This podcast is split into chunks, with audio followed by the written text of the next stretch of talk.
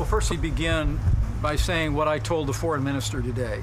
Uh, the United States is grateful for the stand Iceland took, uh, rejecting China's Belt and Road uh, financial investment in Iceland.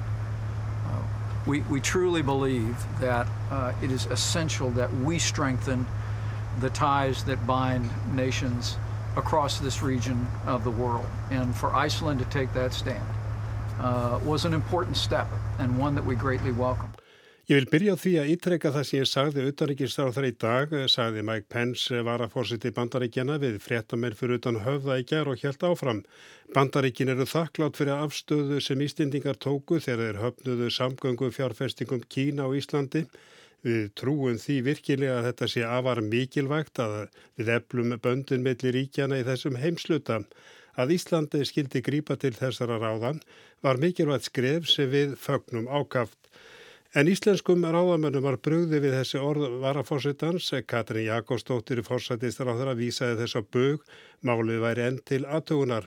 Guðlur Þór Þórðarsson utaríkistráðra sagði að þetta væri ónákvæmt orðalag. Engin ákurinn hafi verið tekin og Íslendingar hafi ekki samþygt belt og braud. Og Jin Jien sendir að Kína segir umæli Pence minn físin róburð. Spare no efforts on making uh, malicious slanders towards China by posting this fake news of Iceland rejecting China's Belt and Road Initiative, which have already been proved to be far from truth by the Icelandic politicians. Ég verð að segja að hann hafi ekki haldið aftur af sér við að halda fram mein fýrsnum ráburði gar Kína og halda fram þeirri falsfrétt að Ísland hafi hafnað þáttöku í verkefninu Belt og Braut, saði kímerski senderan. Íslenski ráðamenn eru nú þegar búinir að rekja þau orð, saði sendera Kína. En fórseti Kína Xi Jinping kynnti 2013 áform Kína sem gangundi nafnunu Beltu og Braud sem sumi segja að sé stærsta innviða á fjárfestingaverkefni sögunar. Tilbúð kynvera nær til 150 landa og alþjóðleira stopnana í Asíu, Evrópu, Afríku, Mið-Östurlöndum og Ameríku. Verkefni lúta fjölmörgum verkefnum en kannski aðalega að samgöngum á sjó og landi. En hvað fælst í þessu verkefni sem gengur undir nafninu Belt og Braud? Egil Þór Níelsson er fyrirverandi framkvæmdastjóri í kýmvesk Norrænu Norðurslóðarmiðstöðarinnar og doktorsnemi í samskiptum Kína og Norðurlandana. Já, fyrst og fremst er þetta tól uh, kínveskra aðila til þess að byggja upp innviði og innviðir hafi verið byggður upp á ótrúlan hátt innan Kína undanfarnar þrjá áratíu eða svo Eh, nú er hugmyndin að út eða flytja út þessa þekkingu og nýta í raun og veru það fjárhæslega bólmagn sem að þessir aðalar innan Kína búa yfir til erlenda fjárfestinga. Hvert er í raun og veru markmið kýmverja með þessu? Já, fyrst og fremst myndi ég halda að það væri þessi fimm yfirlistu markmið og þá sérstaklega þegar kemur að því að skapa tengingar sem að styðja þá við viðskipti Eh, Kína er stærsta vestlunar þjóð í heimi þegar kemur að viðskiptum inn og út úr landu og eru mjög háðir því að hafa klárar og sterkar samgöngur þegar kemur að verslun eh, með skipum, með flugi og svo framvegis og lestum. En það tala með um þessi stærsta innviðar og fjárfestingaverkefni í sögunni, gaggrinni svo að þeir segja að eh, lönd getur endi skulda gildur og aðrir tala um að kynverjar séu með þessu að ná einhvers konar heims yfir á þun.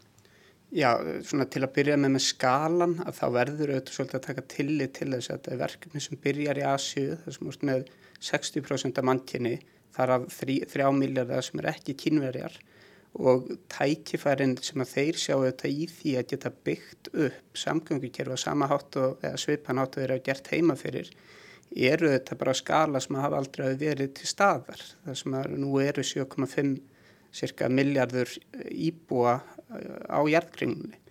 Eh, varðandi skulda aðstöðun og þetta svo kallega debt trap að þá þetta veldur það fyrst og fremst um hvernig það er samið. Það er að segja það hefur eflaust verið samið frekar ítla, sem verkefni ganga ítla maður hefur séð hafnaverkefni sem eru ágætt dæmið þess önnur verkefni, til dæmis það sem að heitir á Jamal jargasverkefni í Rúslandi sem er 27 miljardar dólar verkefni fór uh, á stað fyrr en áætla var uh, og þykir bara nokkuð brautriðandi í þeim geira.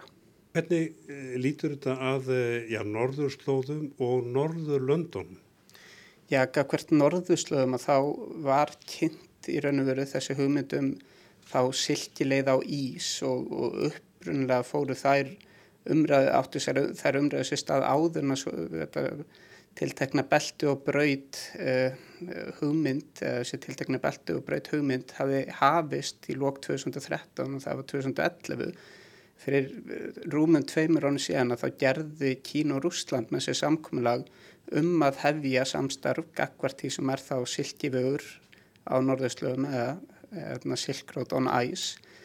Og þau verkefni hafa farið úr því að vera þá fyrst og fremst tvíliða verkefni á milli Kína og Rúslands í það sem að er þá séð sem Polar Silk Road eða viðtækari silkivögur á norðurslóðum sem að norðurslóðastefna Kína kynnti í janúar 2018 hins vegar hafa sem dæmi akkvært Norðurlöndunum verið sendar út þessa vilja yfirleysingar um samstafl líkt og til dæmis Ítalja hefur núna gengist við eða tekið þátt í en eh, þær litja sennilega bara svolítið á borðinu. Það er í skoðun hjá Norðurlandunum eh, þá hverju og sér en engar ákveðinu verist hafa verið teknar. Og þetta var Egil Þór Níelsson en hinga er mættur Borg Þór, Þór Einarsson Borgar Þór Einarsson, aðstofmaður utaríkisáðara. Verður velkominn. Hakkaði fyrir. Og þá spurningin, hver er staða þess að máls, kakvart Íslendingum, hafa kynverjar bóðið okkur að taka þátt í belti og braud? Staða þess að máls er þannig að kynver stjórnvöld hafa líst áhuga á að undrita samkómulag við Ísland um þetta samstarf sem að kentir við belt og braud og utaríkisáðandi hefur undanfæri misseri haft það til skoðunar aðalega greina hvað í þessu framtaki fælst og hvað aðeldiða tenging við þetta framtak gæti svona þýtt fyrir íslenska hagsmunni og við höfum lagt tölulega vinn í þetta og málið hefur verið tekið upp með alannans í utaríkismálunemnd það hefur verið rætt í, í ríkistjón uh, utaríkisráður hefur átt fjölda funda með kínverskum uh, ráðherrum með alannans farið ferð til Kína í heimsókn funda þar með utaríksáður að Kína og fleiri ráðamönnum þar sem að þetta mál var eitt af því sem bara á góma. Og hvað er langt síðan þetta búið komið? Sko þetta kemur upphálega e, vorið 2018 það er svona eitt og hálft ár núna. Og þú þýr að velti fyrir ykkur hvað fælst í þessu og þá spyrir ég hvað fælst í þessu? Sko það er óljóst að mörguleiti hvað fælst í þessu Þetta er auðvitað innviða uppbygging fyrst og fremst, eða svona það er kjartin í þessu og kínverðar hafa líst þessari sín en eh, í raun og verður þetta yfirlýsing um náið samstarfi kínverja uh, í litlu og stóru og það skýrir að mörguleiti af hverju við, Íslensk stjórnvöld, eins og stjórnvöld flestra annara vestur-euróskra ríkja býðum átækta. Þannig að það er engin ljós, augljós verkefni eða þið vitið hvernig þetta hefur fer fram, annarkort eru þeir sjálfur að fjárfesta eða veita lán? Það er ímist. Það er, það er þjóðir að þau ríki sem að hafa, uh, svona, eru fyrst á ferðinni, nú er þetta, uh, allir þetta sé ekki eitthvað stærkir kringum 80-90 ríki núna, að mér minnir, uh, þau hafa ekki haft neins sérstök tengsl við Kína fyrir þetta framtak. Við hins vegar erum eina mjög fáum þjóðum og, og svo fyrsta í Európu, að vestur Európu sem að gerðum fríværsleina við Kína 2013. Þar áður höfum við undir þetta samstarf um samfunnu á, á norðurslóðum. Við eigum í viðtæku vísinda samstarfi við kínverja og, og fleiri mætti nefna. Þannig að við höfum mjög náið samstarf nú þegar í gildi við Kína. Það sem við höfum verið að gera síðan 2017 hins vegar er að fá þennan fríværsleina samning til þess að virka. Það komið fram að það er myndið að fá hann fyrst til að virka og svo Já. kannski farið þetta. Þannig að það er svona, þess vegna höfum við sagt, við höfum ráðrum, Íslands stjórnvöld og Íslendingar til að býða átækta og sjá hvað í þessu fælst. Og ég endur til það, það, hef, það hafa mjög fá vesturar og sríki tekið þátt í þessu. það, hafa, það hefur hins vegar ekkert vestur Euróstríki að mér er kunnugt aftekið fyrir þetta. En, nei, en Ítalija var að samþykja? Ítalija mjög nýlega, Luxemburg er með uh, einhvers konar samning en í hverju einu tilviki þá, þá erum mismunandi útvæslur að ræða og við höfum verið að skoða hvernig uh, samstarfi Kína getur haldið áfram að þróast á þeim grundvelli sem við erum með núna og í raun og verið inntækið í okkar samstarfi Kína ekkit langt frá því sem að, sem að sum ríki hafa samkvæmt belt og braut. En sækja kýmverið þetta fast að, eh, að þeir skrifið að Ísland skrif undir vilja yfirlýsingu eins og þetta heitir? Þetta eru þetta grundvallar stefna kynverja í, á alþjóða vettvangi, þetta plan og þeir sækja það þetta, e, það er ekki hægt að tala um að þeir sækja það fast en, en e, það er mynda á það reglulega, jú að e, þetta sé þetta standi til bóða eða þetta sé, viljið er að standi til þess að við tökum þátt í þessu. Og þetta þetta e, eins og við vitum að, að fórseti Kína kynnti þessa stefnu 2013 og hún hefur verið grundvallar þáttur í þeirra utaríkispolítík, má segja, og alþjóðapolítík og, og uppalega var þetta auðvitað, e, þessi forna silkileið svo eru þessi norður Ísafs eða já, silki Ísleið eða hvað maður kalla það sem að þeir hafa líka auðvast að auðvitað eru kynverðin og fleiri þjóðir að horfa mjög til þess að siklingarleiði norður fyrir Rúsland opnist með bráðunum heimskutaísins En, og, en annað að, að tímin er að renna frá okkur að þú nefndir vestur-Evrópu en Norðurlöndin hafa kannski einhver liti staði saman í þessu. Hver er staðan það? Það var talað um að finnar væru á móti en það er ekki mm. alveg staðfest. Uh, Norðurlöndin fylgjast mjög mikið aðeins og við eigum mikið samráð við Norðurlöndin einmitt í svona mál. Við ræðum þetta þegar við hittum, hittum uh, ráðamenn þar á Norðurlöndum.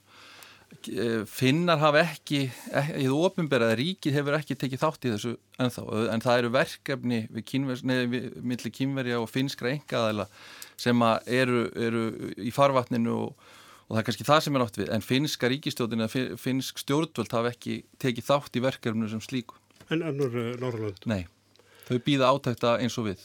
Menn býða átækta og, og kannski segja svo kom fram í gæra í mismæli að þið vilji kannski hafa bæði belt og axlabönd. Já, það má lýsa því og, og ég ljósi þess hvernig okkar sambandi við kínverðir háttað núna, þá teljum við okkur í þeirri stöðu að geta beðið átækt og séð hvernig mál, málum myndu fram. En bara östuð er Ísland á milli steins á sleggju eftir hérna að koma upp hens eh, þar sem að bandarækjumenn er að mæla eindri í gegn því að þetta verið samþýtt. Nei, við erum í sjálf og sér ekki milli steins og sleggju en, en eh, í, í öllu falli að þá höfum við ráðrum til að skoða þessa, þessa möguleika og við, það er auðvitað búið að fara við það og auðvitað hefur, hefur leiðrétt uh, það sem að kom fram í máli varafórstendans að við höfum ekki frekar en aðrar þjóðir hafnað þessari, uh, þessu samkómulagi. Óttur að ljós hvernig þessu máli framvindur Borgar Þór Einarsson þakkaði kærlega fyrir. Takk.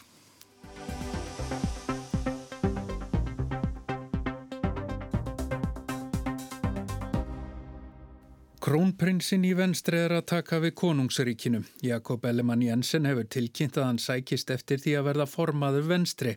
Hann tæki þar með við af Lars Lökke Rasmussen fyrirverandi forsætisráð þeirra Danmörkur sem tilkynnti afsög sína um helgina. Jakob er sonur Uffe Ellemann Jensen sem leiti flokkin í 14 ár frá 1984 til 1998 og var utanreikisráð þeirra Danmörkur í rúman áratug. En helt almindelig mandag aften i oktober ringede min telefon. Det var min mor, og jeg kunne med det samme høre på måden, hun sagde hej på, at der var noget helt galt. Hun ringede for at fortælle mig, at min far var faldet om derhjemme i soveværelset i mit barndomshjem i Sønderfælling. Han havde fået en hjerneblødning. Hér lýsir Jakob því þegar móður hans ringdi og tilkynnti honum að fadur hans hefði fengið hjarta áfall. Nú er krónprinsinn að öllum líkindum að taka við ríki föður síns. Frá því að pappin hætti sem formaði venstri hafa aðeins tveir gengt í embætti, Annes Fó Rasmussen og Lars Lökke Rasmussen. Á kjörta árið 2011 þegar Jakob var fyrst kjörin á þing var hann spurður hvort fadernið þvældist fyrir honum. Ja, det er der også. Jeg overvejede også at bruge Jakob Jensen, men den er optaget. Men selvfølgelig så giver det noget opmærksomhed, og det er overvejende positiv opmærksomhed. Så den har jeg jo selvfølgelig lænet mig op af og, og udnyttet øh, naturligvis som, som den platform, det har været. Jakob segir að það sé oft erfitt að vera sonur þekkt stjórnmálamanns. Hann hafi hugleitt að nota einungisnafnið Jakob Jensen en það hefur verið upptekið. Hins vegar fylgi þekkt um föður ákveðin aðtikli og þá aðtikli hafa hann nýtt sér. Hann segist ekki hafa farið að ráðum föður sín sem að halda sig frá pólitík. Oh, ja, det, jeg burde jo sige at lade være med at gå ind i politik, men det, det har jeg så åbenbart ikke forstået alligevel. Í sama þætti var fadur hans spurður um hvaða ráðan gæti gefið síni sínum í komandi stjórnmálabaráttu. Svarið var einfalt að halda fast í húmórin. Strákurinn væri með góða kýmnigáfu og það væri mjög mikilvægt í stjórnmálum. Jamen, det vigtigste råd, man kan give, det er at bevare den dejlige humoristiske sans, som man jo også kan høre, han har endnu. Fordi hvis der er noget, man har brug for i politik, så er det humoristisk sans. Jakob Ellemann Jensen ætlaði aldrei að helga sig stjórnmálum og held sér lengst af fjarriðim. Hann sá hvaða þýtti fyrir fjölskyldulífið með tilherrandi fjarvistum og hamagangi. Jakob fór í staðin í herin. Hann tók fyrst herskilduna, var liðþjálfi í konunglega lífverðinum í tvö ár, lærði til liðsfóringja og þjónaði sem slíkur á sjálandi í tvö ár. Hann var yfirlautenant varaliðsins í alþjóðaherdeild árið 1996 og 1999 var hann fóringi danska herliðsins í Bosníu. Samhliða herrmennskunni tók hann meistaragráðu í viðskiptarlagfræði árið 2002. Næstu árin vann hann í engageranum fyrir Ímis þekkt stórfyrirtæki. Það var ekki fyrir en árið 2011 sem Jakob heldi sér út í stjórnmálin og var kjörin á þing fyrir venstre. Uh, det er spænding, det er sommerfugl í meðun. Hann ætlaði aldrei í stjórnmálinn en sagðist nú reyðubúin eftir góðan undirbúning í hernum og atvinnulífinu. Sjálfur segist hann hafa tekið ákvörðun kvöldeitt þegar hann satt með vinum og öskraði á sjónvarpið. Vinirni sögðunum að slappa af eða hella sér í stjórnmál. Hann valdi stjórnmálinn frekar en að þeia.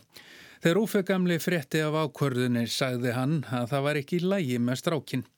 Jakob var fljótur að klífa með torðastegan sem nýgraðingur á þingi var hann skipaður talsmaður flokksins í þróunamálum og árið 2015 var hann pólitískur talsmaður flokksins sem stundum hefur verið líkt við stöðu þingflokksformans. Þeirri stöðu gengdi hann í þrjú ár þar til Laslökke skipaði hann umkörfis og matvælar á þeirra. Som øh, ny miljø- og fødevareminister har jeg udnævnt Jakob Ellemann Jensen Sjálfur sagði hinn nýskipaði ráþeira að einmitt þetta ráðuneyti hefði verið það eina sem hann hefði ekki viljað stýra, bætti því við að mikilvægt væri að hafa skoðun en mikilvægra að geta skipt um skoðun. Det eneste ministerium, jeg vil sige nej tak til. Stjórnmálaskýrendur segja Jakob Ellemann Jensen sé í essinu sínu í framlínu stjórnmálana. Hann er mælskur og orðfimur með bliki í auga en tekur sig ekki allt of hátílega. Hann á auðvelt með að vinna með fólki og fá það til fylgi lags. Margir telja hann vænlegan til að samena flokkin eftir átök fylgismanna Lars Lökke og Kristján Jensen. Hann sé ómengaður af þeim átökum. Aðri segja að stefna hann sé óljós og alls óvist hvert flokkurinn stefnir þegar og ef hann tekur við völdum. En hann hefur lengi verið krónprinsinn í flokknum og að margra mati aðeins tímaspösmál hvenar hann tæki við. Eftir síðustu þingkostningar var hann einmitt spurður um þetta. Politisk ordfører, hvad betyder det for dine tanker om at kunne blive næstformand i Venstre på længere sigt? Øh, det betyder det ikke noget som helst for. Øh, det betyder noget om mine tanker for at øh, genindtage pladsen som politisk ordfører, og det glæder mig til. Jeg var politisk ordfører, mens Venstre sad i regering, det kan man sige. Det var i fredstid, og nu er jeg også klar til at være det i krigstid. Um helgina ákvaðu bæði formaðurinn Lars Lökke og varaformaðurinn Kristján Jensen að segja sig frá ennbættum sínum.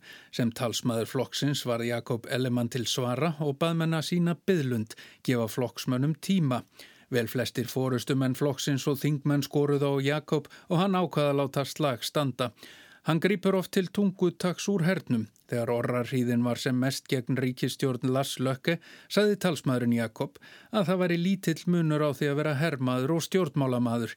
Í báðun tilfellum þyrti að fara út á vígvöllin og takast á við kúlnarhýð vegna ákvarðana sem aðrir hefðu tekið. Nú verður það vantalega Jakob sjálfur sem tekur ákvarðanirnar og sendir menn út á vígvöllin.